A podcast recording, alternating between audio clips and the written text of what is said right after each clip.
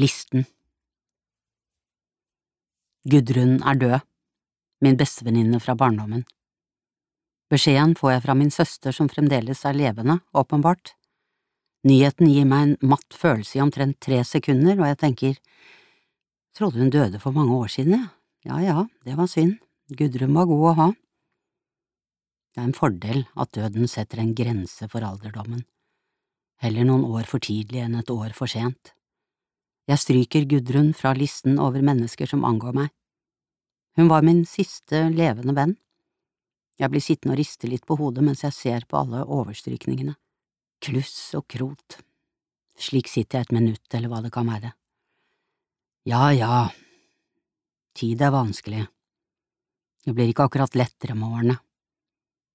I grunnen er det greit å være ferdig med å holde styr på alle sammen, hilsenene, gavene, bedragene, sykdommene, begravelsene.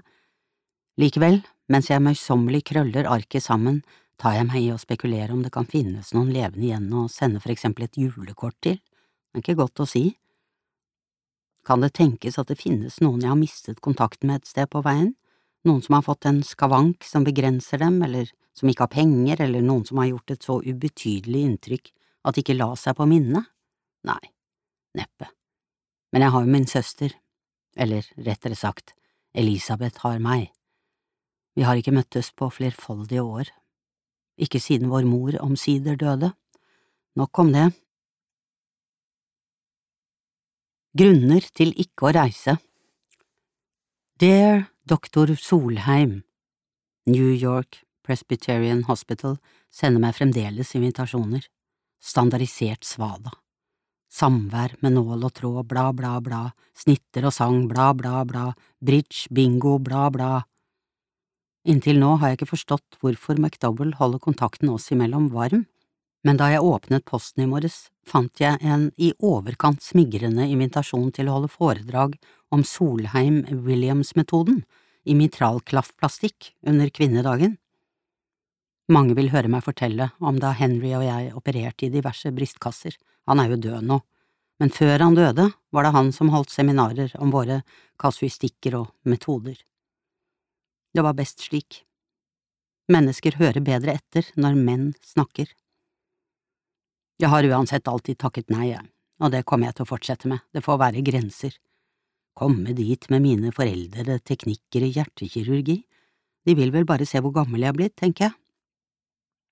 Jeg kan jo fremdeles gå selv, og snakke så tydelig at et helt auditorium ville forstå hva jeg sier, men hjernen er ikke like kvikk lenger, og i ansiktet har jeg et verdenskart med grenser og krater.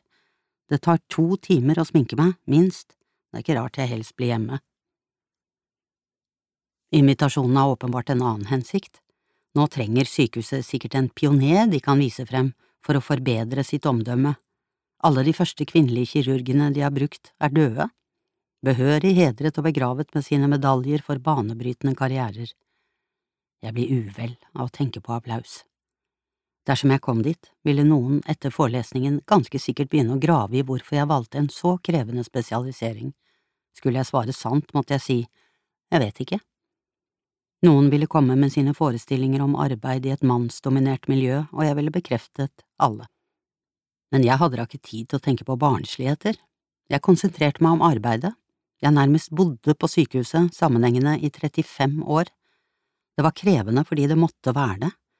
Jeg kunne valgt meg en mer behagelig tilværelse, men hjertet er altoppslukende.